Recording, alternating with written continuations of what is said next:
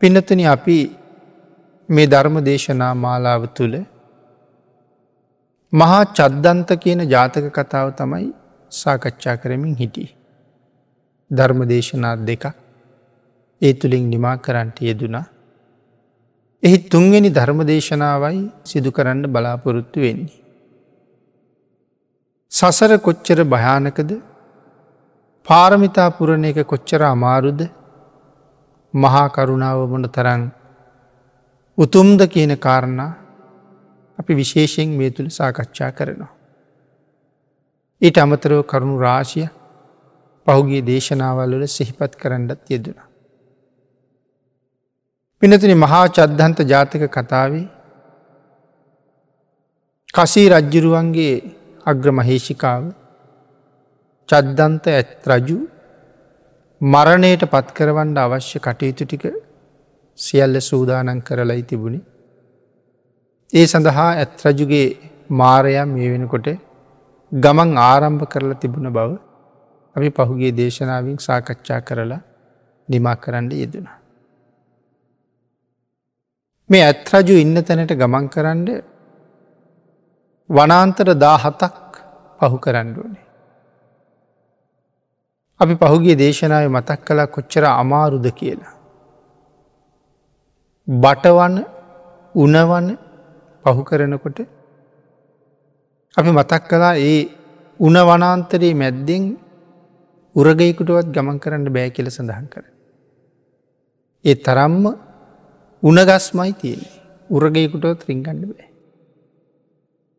මොනතරං විශාල වනස්පති රුක්ෂ තිබුණද කියල සඳහන් කළා වැදිපුත්‍රයට ගහෙන් මගෑරල යන්ට දිහක් නැති නිසා පොරෝ අරගෙන කඳ පලල බුරුමය අරගෙන විදල නියනින් හාරල හරිට නිකං උළුවස්සක් මැද්දෙන් යනවා වගේ ගහ මැද්දෙන් කවුලුවක් හදල ගිහිල්ල තියන්නේ වෙන කොහෙන්වත් යන්ඩ විදිහක් යන්ඩ විදිහ.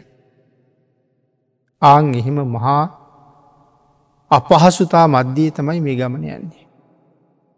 එනිසා ගත වුණ කාලේ අවුරුදු හතයි දවස් හතයි මාස හත. මඩදුර්ගයත් පහු කරලා ජලදුර්ගයත් පහු කරලා ගිරිදුර්ගයට යනකොට එතනත් තියෙනවා පරුවත හතක්. පිනතිනේ පර්වත හතම තරණය කළා. අවසාන පරවතයට යනකොට හැතැක්ම හැත්තෑවකට ආසන්න වූසයි. යොදුන් හතක්. හැම පර්වතයක්ම නගින්ඩත් වන බහින්ඩත් වන.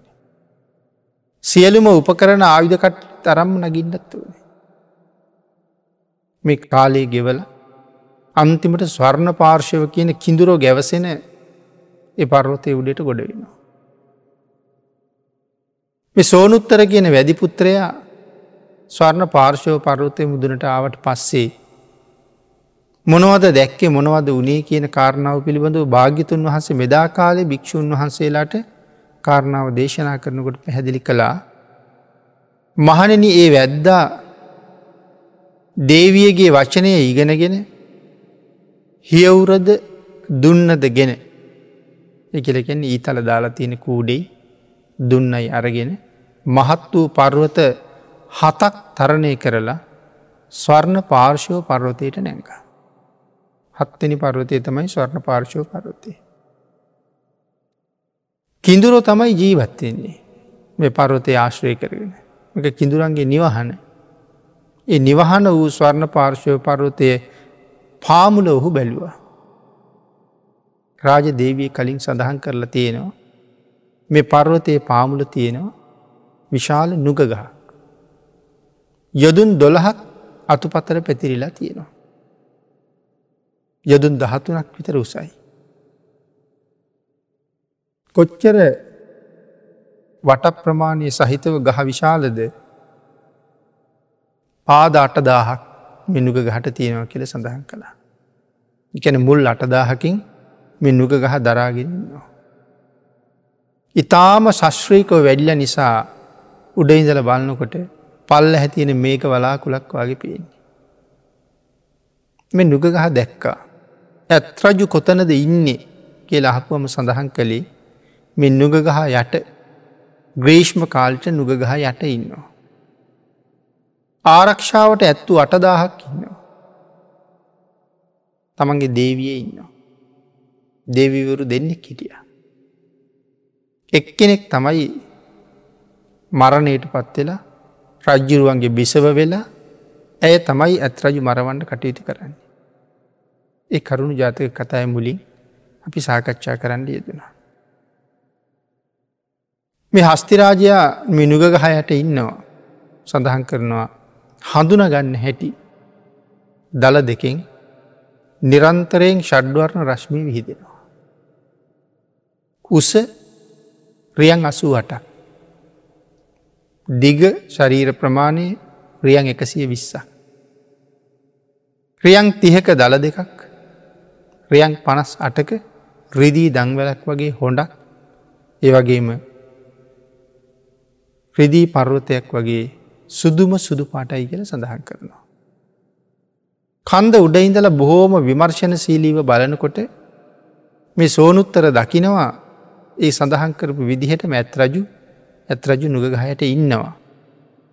මෙය කන්ද උඩට වෙලා බොහෝම විමසිලිමත් වෙනවා යන්නේ එන්නේ කොහාටද නාණ්ඩ යන්නේ කොතෙන්ටද නාලා ගොඩ වෙන්නේ කොයි වෙලාවටද ගොඩ වෙලා නතර වෙන්නේ කොතනද මේ අදි හැම කරුණක්ම විමසිලිමත් වෙනවා.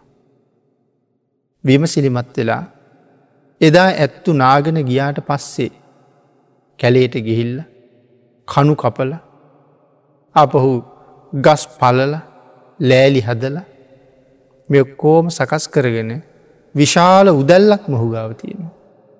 ඇත්තු නාණ්ඩ යනේන පාරී මේ මහ උදැල්ලෙන් කපනෝ ලොකු අලක්. කපල අමු පස් විසික්කොත් ගොඩට අර ආරක්ෂක ඇත්තු දැනගන්නවා මොකක් හරි කරදරයක් තියෙනවා කියලා. ආගේ නිසා ජලයත් එක්ක මිශ්‍ර කරලා තමයි පස් විසි කරන්න. එතකට හොයන්ඩ බෑ බීජ වැපුරුවාව විසි කරල දාන්න. කනු හිටවල වල කපල ලෑරි අතුරලා ඒ උඩ වෙනත් නොය කසල කුණු ගෙනල්ල දානවා. බලක් කපාපු බවට පේනෑමු. ඒ වලේ ඉඳල වෙන ඈතට ටිකක් එහි ඇලක් කපල වගේ මේ වැද්දට බැහැගෙන බැහැගෙනට මාර්ගයක් වෙනම හදල තිය. රාජදූනිය කියපු විදිහටම ඇත්රජු හැමදාම තමන්ගේ ඇත් පිරිසත් එක නාණ්ඩ යනවා. ඉස්සරලාම චද්දන්ත විලින් නාගන්නේ මේ හස්තිරාජය. නාගත්තට පස්සේ ඔහු ගොඩට එනවා. අනික් ඇත්තු දියේ පිපෙන මල් ගොඩ පිපෙන මල් ගෙනල්ල මේ ඇත් රජු මනාව සරසනවා. දේවිය නාල ගොඩ වුණට පස්සේ දේවියත් සරසලා අටදාහක් ඇත්තුත් නාගෙන ඉවර වුණට පස්සේ දේවියත් පෙරටු කරගෙන නැවත සියලු දෙනාම වාසස්ථානයට ගමන් කරනවා. පිනතන අනික් සියලු දෙනා නාල ඉවර වෙනකං ඇත්රජු නාල ගොඩ වෙලා ඉන්න තැනක් තියෙනවා. හරියටම එතන තමයි වැද්ද බොරුවල හදලතියෙන්. සියල්ල සූදාන අද ඇත්තු නාන්ඩෙන්ට කලින් උදේ පාන්දරම අර වෙන පැත්තකින් හදාපු කවුලුව දිගේ අර වලට බැස්සා. කාසාය වස්ත්‍රයක් පොරෝල ඉන්නේ. විසපවාපු ඊ තලත් අරගෙන. වලට බැහල පොඩි කවුලුවක් තියල තියෙනවා ඇතා නාගනැවිල්ල හිටගත්තාහම පේන්ඩ. එතනින් තමයි ඊතලයේ මුදාහරි. පොඩි කවුලුවක් කියලකිවට මේ ඊතලයේ මුදාහරින්න පුළු කවුලුව. නමුත් ඊතලයක් කියල කීවට අපි සාමාන්‍යෙන් අද දකින ඊතලයක් වගේ ඊතලයක් ගැන නෙමෙයි මේ කතා කරන්න. පුද රියන් එකසී විස්සක් දිගයි මේ ඇත් රජු. දෙ ඔහු මරණයට පත් කරන්න අඩුතරම සෑහෙන කැපුමක් සහිතව ගමන් කරන ඊතලයක් තියෙන්ට වනේ. ඇත්රජු වෙනද වගේම නාගණ්ඩැවිල්ල චද්දන්ත විලට බැස්ස. තරුණ ඇත්තු දෙන්නෙක් හැමදාම මේ ඇත්රජු නාවනවා. ඇත්තු බොහෝම ගෞරෝපූරක ඇත් රජු නෑව්ව. වෙනද වගේම ගොඩ වුණ. දියේ පිපෙන තලේ පිපෙන මල්වලින් මල් කන්දක් වගේ සැරසුව. දේවියත් සරසලා ඇත්තු බැල නාගත්ත. හැමදාම හිටගෙනීන තැන්ට ගිහිල්ල නතර වුණා. ශරීරයෙන් පහලට ගලාගෙන ගිහිල්ල වැටෙන වතුර අර වැද්ද හදල තියෙන කවුලුව දිගේ වැද්ද ගැඟට වැටෙනවා. එතකොට දන්නවා දැන් ඇත ඇවිල්ල ඉන්නේ. සෝනුත්තර සූදානන් වෙන්නේ මේ මහපොලොව ඉවසන්නේ නැති ඒ මහා අපරාධී සිද්ධ කරන්න. ඒ නිසා තමන්ගේ දුන්නට ඊතලේ යොදල හරියට මැත් රජුගේ නාබිය යම් තැනක පිහිටලා තියෙනවාද එතනින් ඊතලේ මුදාහැරිය. නාබිය සිඳගෙන ඇතුළට යන්ට. සඳහන් කරනවා විසපවාපු ඊය ශරීරයට ඇතුල් වෙලා මහා බඩවැල් කුඩා බඩවැල් ඉලෑට ආදිය කඩාගෙන පිට උඩින් මහ පොරෝකින් පැළුව වගේ පිට පලාගෙන අහසට නික්මිලා ගිය කියලා. එතට අපි මුලින් සඳහන් කලා සෝනුත්තරගේ ශක්තිය ඇත්තු පස් දෙනෙකුගේ ශක්තිය කියලා. ඒ තරම් මහා ශක්තියකින් තමයි විදින් නැත්තන් රියන් අසු වටක් මේ ශරීරය හරහා මේ ඊතලේ ගමන් කරලා පිට පලාගෙන අහසට නික්මෙන්ඩුවනේ. සාමාන්‍ය කෙනෙකුට කරන්න බැරි වැඩ. ඉතින් ඇත්රජුට මහා වේදනාවයි. එනිසා තුම්පාරක් කුංචනාද කරනවා මේ පරුවත වලලු හත ඒක නින්නාද දුන්න කියල සඳහන් කරනවා ඒ කුංචනාදයක්ත් එක්ක. අටදාහක් ඇත්තු සියලු දෙනාම බීතියෙන් බීතියට පත්වෙනවා. එනිසා මේ ඇත්තු කොයි තරං දරුණුද කියලා අපි කලින් දේශනාවක මතක් කලා. මේ අටදාහම තමන්ගේ පසමිතුර හොයන්ඩ රජ්ජුරුවන්ට හානිකරපු කෙනා හොයන්ඩ නික්මිලා ගිය. වාතවේගයෙන් ගමන් කරනයකුල්ල. චද්දන්ත හස්තී නහසින් යනවා කියල දරමේ සඳහන් කරන්න. මේ වෙලා වෙළඟ ඉන්නේ තමන්ගේ බිරිඳ විතරයි මහාසු බද්දර. ඇත්රජු එදා තිරිසං ආත්ම ඉපදිලා හිටියත් මහා ප්‍රඥාවන්තයි. ඒ නිසා කල්පනා කරනවා මගේ හතුරා ඉදිරියෙන් හිටියන මට ඉදිරියේ ඉඳල විද්දනන් මගේ කුම්බස්තලයේ සිදුරු කරගෙන පසු පසින් මේ ඊතලේ පිට වෙලා යන්ඩුවනේ. නමුත් ඊතලේ ආවි මගේ නාබිය සිදුරු කරගෙන යතුල්ලුනේ. එන ඒ කාන්තයෙන් හතුර පෘතුවිය තමයි ඉන්ඩුවන.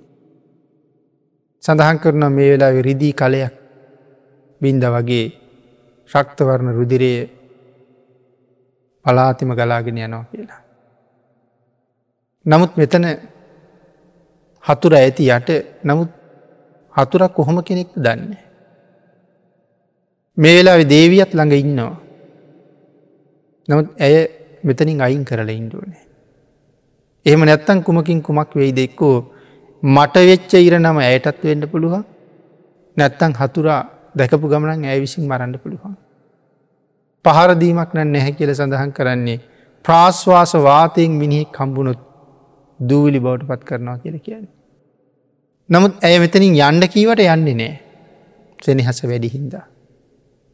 එනිසා ඇයට සංවේග උපදවන්ඩුවනේ.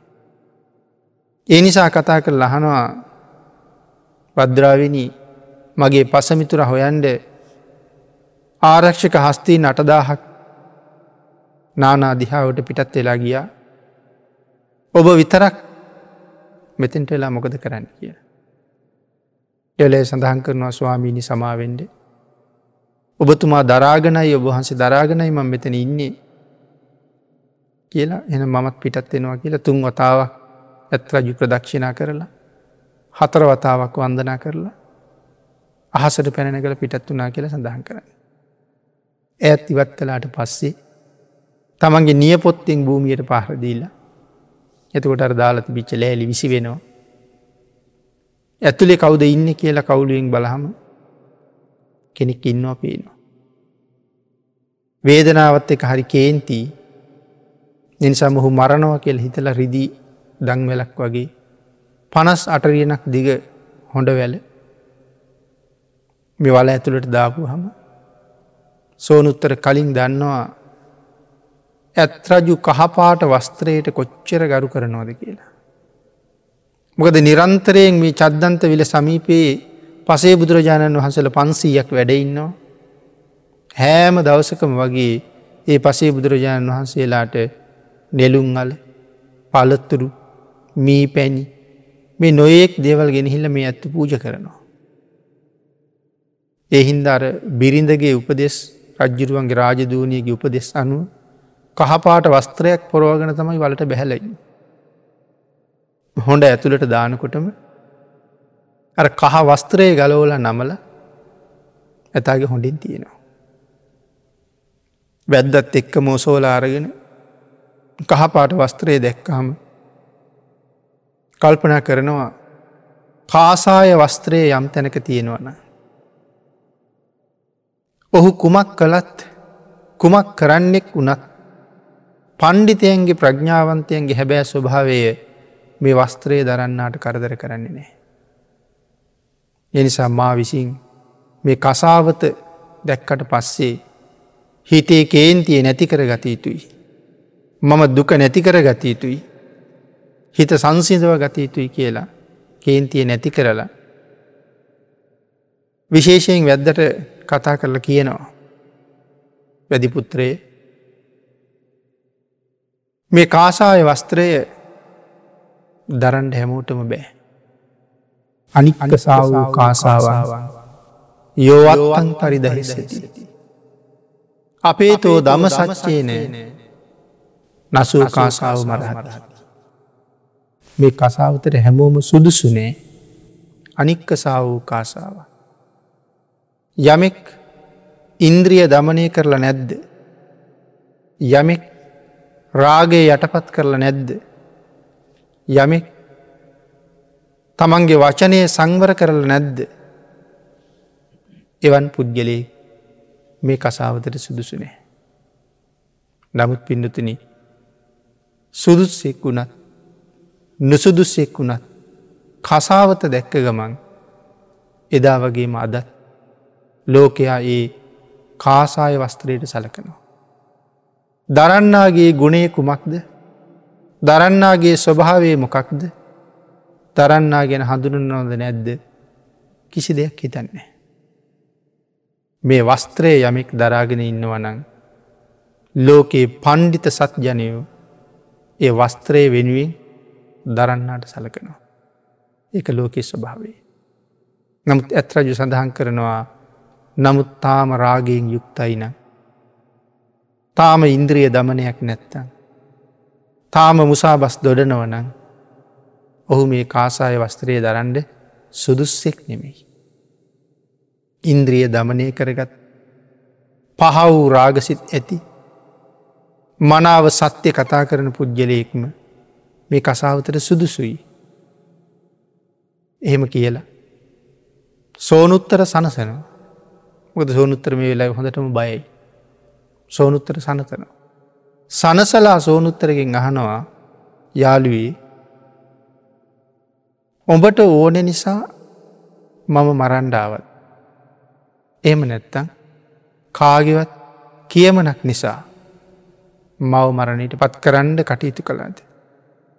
එවෙල සඳහන් කරනවා ස්වාමීණී. බරණැස කසී රටේ මහරජ්ජිරුවන්ගේ අගමිහිසිය සුබද්‍රවතිකා දේවියගේ වුවමනාවට අනුවයි ඔබෝහන්සේ මරන්න තීරණය කළේ ඒ සඳහයි මං මෙහාටාවේ. මේ කරුණු සඳහන් කරනකොටම දන්නවා සුබද්‍රවතිකා වෙන කවුරුවත් නෙමෙයි. පෙර තමන්ගේ බිරිඳ චූල සුබද්‍රාව මයි කියලා. නමුත් ඇගේ වෛරය සංසිින්දව ගණ්ඩ ඇය මේ විදිහට කටයුතු කළා ඇගේ බලාපොරොත්තුව මුදුම් පත් කරන්න වනේ. එනිසා ඇත් රජු කල්පනා කළා ඇයට අවශ්‍ය මගේ දලනං මම ඇයට දළ දෙක දෙනවා. වැදිපුත්‍රය කියනවා. ඇයට ඔබේ දළ දෙක අවශ්‍යයි කියල කිව්වා. ඒ දළවලින් ආභරණයක් හදාගන්න කියලා. ඇත් රජු කල්පනා කරනවා නෑ ඇයට මගේ දලවල කිසි අවශ්‍යතාවයක් නෑ. ඇයට අවශ්‍ය මගේ මරණය. මොකද ඇය හොඳටම දන්නවා. මගේ තාත්තගේ දල මගේ සීයගේ දල මගේ පරම්පරාවේ මුතුම්බිත්තන්ගේ දල ඉතාම සුරක්ෂිතව ඉතාම පරිස්සමට ගුහාාවක මෙහි තැන්පත් කරලා තියෙන බව ඇය හොඳටම දන්නවා. ඇයට අවශ්‍ය දලනං ඇය මොහුට කියන්නේ ඒ තැන්පත් කරලා තියෙන් තැනින් දළ දෙකක් කරගෙන්ට කියලා. නමුත් ඇයට අවශ්‍ය දල නෙමෙයි ඇයට අවශ්‍ය මගේ මරණය. වැදිපුත්‍රයට සඳහන් කරන නමුත් ඔබට කිවේ දලා අරංගෙන්ට කියලා. එනිසා එහෙන නැගිටලා මං මැරෙන්ඩ කලින් යාළුවේ මගේ දළ දෙක කපා ගනින් කියල කියනවා. නමුත් පින්නතන කියතත් තරම් නැගිට්ටට දළගාවටුවත් වැද්ද උසනෑ. එනිසා යාළුවේ අපහසුද කියල සඳහන් කරනවා කයිලාසකූට පර්වතය මහපොලෝට පාත්වෙනවා වගේ තමන්ගේ හිස පාත් කරලා හොඳ දිගු කලා හොඳ දිග නගින්ට කියලා. රෙදී පාටිං බැබලෙන මේ හොඳ පාගලා සෝනුත්තර හොඳ දිගේ උඩට නැගල කයිලාසකූට මස්තකයට ගොඩ වුණා වගේ කුම්බස්තලය මත ඉඳගෙන ඊතලයක් අරගෙන යම්සේ කට ඇතුළින් දළ මතුවනාද ඒ දළ මතුවිච්ච තැනට ඊතලෙන් අනිනවා. ඉතලෙන් ඇනල ඇනල ඒ මස්ටික පස්සට තල්ලු කරනවා. මේ වෙලාවෙ දැනෙන වේදනාව වචනවලින් කියන්න පුළුවන්කමක් නැති වේදනාව. මස්ටික ඇතුළට තල්ලු කරලා කියත අරගෙන කට ඇතුළට කියත දාලා කපන්ඩ හදන්නේ දළ කපනවා කියලකිවට යම් තැනකින් මසෙන් මිදිලා දළ හැටියට එලියට ආවද. අගේ දළ පටන්ගත්ත මාන්සයත් එක්කයි කපන්ඩ හදන්න. මේ වෙලා විලේ ගලාගෙන ඇවිල්ල ඇත්රජුගේ මොකය සම්පූර්ණයෙන් ලෙයින් පිරෙනවා. නමුත් වැද්ද උත්සාහ කලාට වැදර කපන්ඩ නම් බෑ. රියම් පහක් වට ප්‍රමාණය දළ දෙක. එති පහසුවෙන් කපන්ඩ අපහසුයි. එඳ නැවත වතාවක් කටේ තියෙන ලේටික එලියට පිඹල වේදනාව ඉවසලා බැද්දකින් අහනෝ යාළුවී අපහසුද කපාගණ්ඩ. බෑකීවට පස කියනවා එහෙනම් මගේ හොඳ තනිය මෝසෝලා ගණ්ඩ තරම් මට දැන් හයියනෑ. ඔබට පුළුහන්නන් මගේ හොඳ ඔසෝලා ඔය කියත එක පැත්තක තියන්න කියලා. බැද්ද එහෙම කලාට පස්සි හොඩෙන් කියත අල්ලගෙන තමන්ම කියත එහාට මෙහට ඇදලා හරිට නිකං උන ගොබ දෙකක් කපල බිමදානවා වගේ ෂඩ්වර්ණ රශ්මිය විහිදෙන දැල දෙක කපල බිමදානවා. ඇත්රජු විසින්මයි කපල දෙන්න. කපල බැදිපුත්‍රයට කියනවා යාළුවේ ඔය දළ දෙක මෙහට අරං එඩි කියලා. ඔසෝලා අරංගියයට පස්සේ අහනෝ ඔබට මේ දළ දෙක කපන්ඩ බරණැස ඉඳලා මෙහාට එන්ඩ කොච්චර කල් ගියාද. එමහපුහම සඳහන් කරනවා ස්වාමීණී අවුරුදු හතයි මාස හතයි දවස් හතක් මට කාලෙ ගත වුණා මෙහාටෙන්ට. එටවෙ සඳහන් කරනවා මේ දළ දෙක අරගණ්ඩ සඳහන් කරන දළ දෙක පිරිත් කරනවා කියලා. අවුරුදු හතයි මාස හතයි දවස් හතකින් ඔබාපු ගමන දවස් හතක් යන්න ඉස්සරලා මේ දළ දෙක යානු භාවයෙන් බවරශ්නුවරට අරංයයි. එම නැත්තං ඔබට යන්ඩ හම්බෙන්නේ අටදාහක් මගේ ආරක්ෂක හස්තේ නික්මිලා ගිහිල්ල ඉන්නේ. එවුන්ගෙන් බේරෙන්ට ක්‍රමයක් ඇත්තෙමනෑ. නමුත් මේ දළ දෙක යානු භාවයෙන් ඔබට යන්ඩ පුළුව.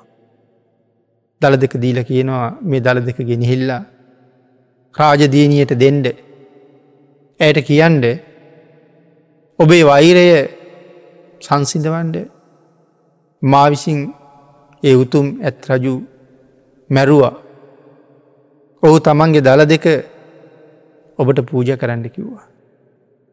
හැබැයි මේ දළ දෙක ඔබට දෙන්න කීවේ? මතු දෙව්ලෝ යන්ඩ නෙමෙයි. සක් දෙව්වෙන්ඩ නෙමෙයි. බ්‍රහ්ම වෙන්ඩ නෙමෙයි. සක්විති වෙන්ඩ නෙමෙයි. මේ දළද කොඹට දෙන්න කිවේ වටින්නේ නැතිහින්දත් නෙමෙයි. නමුත් මේ දළ දෙක යම්තාක් වටිනවද? ඒ දළ දෙකට වඩා ඒ උතුම් ඇත් රජුට සරුවඥතා ඥානය නෙමති උතුම් දළම වටිනවා කියල කිව්වා. ලෝතුරා බුද්ධ රාජ්‍ය ප්‍රාර්ථනා කරගෙන මේ දළ දෙක දන්දුන්න කියල කියන්න කිව්වා. කියල මේක ගෙනහිල්ල ඇයට දෙන්න කියල සඳහන් කළා. ති සෝනුත්තර දළ දෙක කරේතියා ගත්තා. හත්තනි දවස වෙන්න කලින් ඔහු බරණැස සමීපේට යනවා.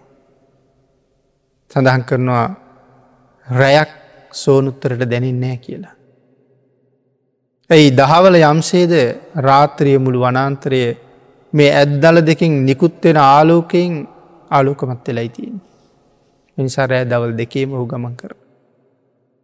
බරණස ළඟට ගිහිල්ල පණිවිඩයක් කරිනවා රාජදීනියනී. ඒ උතුම් ඇත්රජු මැරුවා දළ දෙක මම අර්ගෙනාව මේ දළ දෙක මෙච්චර වටිනවා මේවාගේ මේ පෘතුවයේ මෙවන් දළ වෙන නෑ පෘතිවී අසමානයි මෙවන් දළ සමාන කරන්න කෙනෙක් නෑ. මුළු කසී රාජ්‍යම සරසන්ඩ කියල කියන ඇදදල දෙක රාජ්‍යයට ගේන්න කලින් සඳහන් කරනවා කසී රාජ්‍ය දෙව්නගරයක් වගේ සැරසුවා කියලා. ඊට පස්සේ දළ දෙකත් අරගෙන ගිහිල්ලා රාජමාලිගාවේ උඩු මහල සත්වනි මහලටම නැගල රාජදීනයට දළ දෙක පූජ කරනවා ඇත් රජු කියපු කතාව කියලා. මැනික් ඔබ්බෝපු වටිනා වස්ත්‍රයකින් ඇයත් ඇද්දල දෙක භාරගන්න. භාර අරගෙන බිමවාඩි වෙලා තමන්ගේ කලව දෙක උඩ ඇද්දල දෙක තියාගෙන පෙර ජාතිස්මරණ ඥානයෙන් නැවත තමන්ගේ දා ස්වාමයාගේ රැස් විහිදුණු දළ දෙක මගේ වෛරේ නිසා සෝනුත්තර ලව්වා මගේ ස්වාමයා මැරෙව්වා මේ උතුම් ඇත් රජුගේ දළ දෙකයි කියලා දළ දෙක දිහා බලාගෙන දුක දරාගණ්ඩ බැරූ ඇය හදවත පැරිල්ල එතනම මරණයට පත්වෙනවා. යත්රජුගේ ආරක්ෂක හස්තීන් තමන්ගේ පසමිතුර හොයාගන්න බැරිවිච්ච නිසා ආපහු එනකොට කවුරුවත් ළඟ නෑ ඇත්රජුත් මැරිල වැටිලා. ඇත්තුන්ට දරාගණ්ඩ බැරුව යනවා. මහපොළුව පස් විසුරෝල පසේ බුදුරජාණන් වහන්සේලා ළඟට ගිහිල්ල කියනවා ස්වාමීණී ඔබවහන්සේලාගේ ප්‍රත්‍යදායකය. මේවාගේ පසමිතුරෙකුගේ පහරදීමෙන් අදිසිය මරණයට පත් වනා දායකයට අනුකම්පාවෙන් ස්වාමිනි වඩින්ඩ කියලා. පසේ බුදුරජාණන් වහන්සල පන්සීය ඇත්රජු මැරිල වැටිල හිටපු මහමළුවට ඇවිල්ල වැඩ හිටියට පස්සේ තරුණ ඇත්තු දෙන්නෙක් නගුල් හිස් වගේ දික්වෙලා තියෙන තමන්ගේ දළවලින් රැස් විහිදෙන ෂඩ්වර්ණ රශ්මියෙන් යුක්ත දළ දෙක නැති හස්ති රජු ඔසවලාරගෙන පසේ බුදුරජාණන් වහසල ළඟට පමුණුවල බුදුවරුන්ට වන්දෝනෝ වගේ පන්සීයක් දෙනා වහන්සේ ළඟටම ගෙනහිල්ල. දරසෑයක් හදලා එහි තැම්පත් කරල ආදාහනි කරනවා. සඳහන් කරනවා යම්සේ සෑය දැවෙන්ට පටන්ගත්තද පහෝදා එලිය වැටෙනකම්ම පසේ බුදුරජාණන් වහන්සේලා සෑය වටේට ධර්ම සජ්්‍යායනා කලා කියලා. ඇත්තු ටික ආදාහනින් පස්සේ. රජු නැතුව පොකුණට බැහල නාල රැජිනියත් පෙරටු කරගෙන නැවත වාසස්ථානවලට ගිය බව අපේ භාගිතුන් වහන්සේ කාරණාව පැහැදිලි කරනකොට දේශනා කරනවා. බුදුරජාණන් වහන්සේ සිනහ පහල කරනවා දැකපු මහරහතන් වහන්සේල කල්පනා කරනවා. නික්ලේසි වූ සම්මා සම්බුදුරජාණන් වහන්සේ නිකරුණේ සිලහ පහල කිරීමක් නෑ. අපිට සිනහ පහල වෙන. නමුත් සිනහ පහල වෙන්නේ කෙලෙස් නිසා. කිසියම් කාරණාවක් සම්බන්ධයෙන් කැමැත්තක් ඇති වුණ හමත් අපිට හිනායන. අකමැත්තක් ඇති වුණ වෙලාවක අවග්ඥාවටත් අපි හිනාවෙන. දෙපැත්තෙම තියෙන්නේ ක්ලේසය. නමුත් නික්ලේසි සම්මා සම්බුදුවරුන්ට කෙලෙස් නෑ. ඒ නිසා නිකරුණේ සිනහ පහලවීමක් නෑ. ස්වාමීණී කුමක් නිසා සිනහ පහල කළා. ජාතක කතාව මුලින් පිඩතුන අපි සඳහන් කළා බුද්ධ ශාසනය පැවිදි වෙච්චේ. එක තරුණ කුමාරිකාවක් බුදුරජාණන් වහන්සේගේ අසහාය රූප ස්වභාවය දකලා හිනාවෙලා ඇඩුවා. ඒ කතාව පදනම් කරගෙන තමයි සිද්ධිය පදනම් කරගෙනයි චද්දන්ත ජාතක කතාව දේශනා කොට වදාලේ. මොද භාගිතුන් වහන්සේගේ අසහාය රූපයේ දැක්කහම අර තරුණ භික්‍ෂණීන් වහන්සට හිතුනා අනේ මේ මහාපුරුෂයා. මේ සංසාරය කිසියම් දවසක මගේ ස්වාමිය වෙලා තියෙනද කියලා. එක ආත්මයක් ඇය දැක්කා ස්වාමිය වෙලා තියෙනවා. ඒ තමයි මේ චද්දන්ත හස්ති රජුගේ කාලී. බිරින් දැවරු දෙන්නෙක් හිටිය කි ලබි සඳහන් කළා එයින් එක්කෙනෙක් තමයි මේ භික්‍ෂණිය. චූල සුබදල. ඒ නිසා ඇයට සතුටුයි හිනා පහළ වුණා. ඇයා පහු කල්පනා කරනවා බිරින් දෑවරු කියන ජාතිය ටික දෙනෙක් ස්වාමියයට හිතවත්. බිරින් දෑවරු වැඩි ප්‍රමාණයක් තමන්ගේ ස්වාමියයට හිතවත් නෑ. එතකොට මම හිතවත් බිරිඳක්ද අහිතවත් බිරිඳක්ද. ඒ කාරණාව හිතනකොට තමයි ඇයට මත මේ කාරණාව වැටහෙන්නේ මම අහිතවත් බිරිඳ. මම එදා මගේ ස්වාමිය මරෝලා තියෙන. එතකොට අන්ඩනවා එක දැකලා. එනම් භාගිතුන් වහසේ මේ වෙලා විසිනා පහල කරනවා දැකලා හපුවම කියනවා මහනිනී. යම් මොහොතක යම් තරුණ ස්ත්‍රියක් කාසාය වස්ත්‍රය දරාගෙන මේ ධර්ම ස්වභාව අඩා වැටුනද. ඒ වෙන කවුරුවත් නෙමෙයි. මේ චද්ධන්ත ජාතක කතාව ඇත් රජු මරෝපු කසී රජ්ජිරුවන්ගේ බිරිඳ ඒ තරුණ භික්ෂණයයි කියලා. යම් සෝනුත්තර නම් වැද්දෙක් ලව්වා ඒ අත්රජු ගහතනය කෙරෙව්වද ඒ සෝනුත්තර එදා පහත් ජාතියක ඉපදුන දෙවදත්තයන්මයි කියලා. උසස් ජාතිය ඉපදුන එදා චද්දන්ත හස්ති රජු බවට පත් වන මම වෙන කවුරුවත් නෙමෙයි අද ලෝතුරා බුදුවිච්ච මමම තමයි කියල භාගිතුන් වහන්සේ රහතන් වහන්සේලාගේ ප්‍රශ්නයට උත්තර ලබල දුන්න.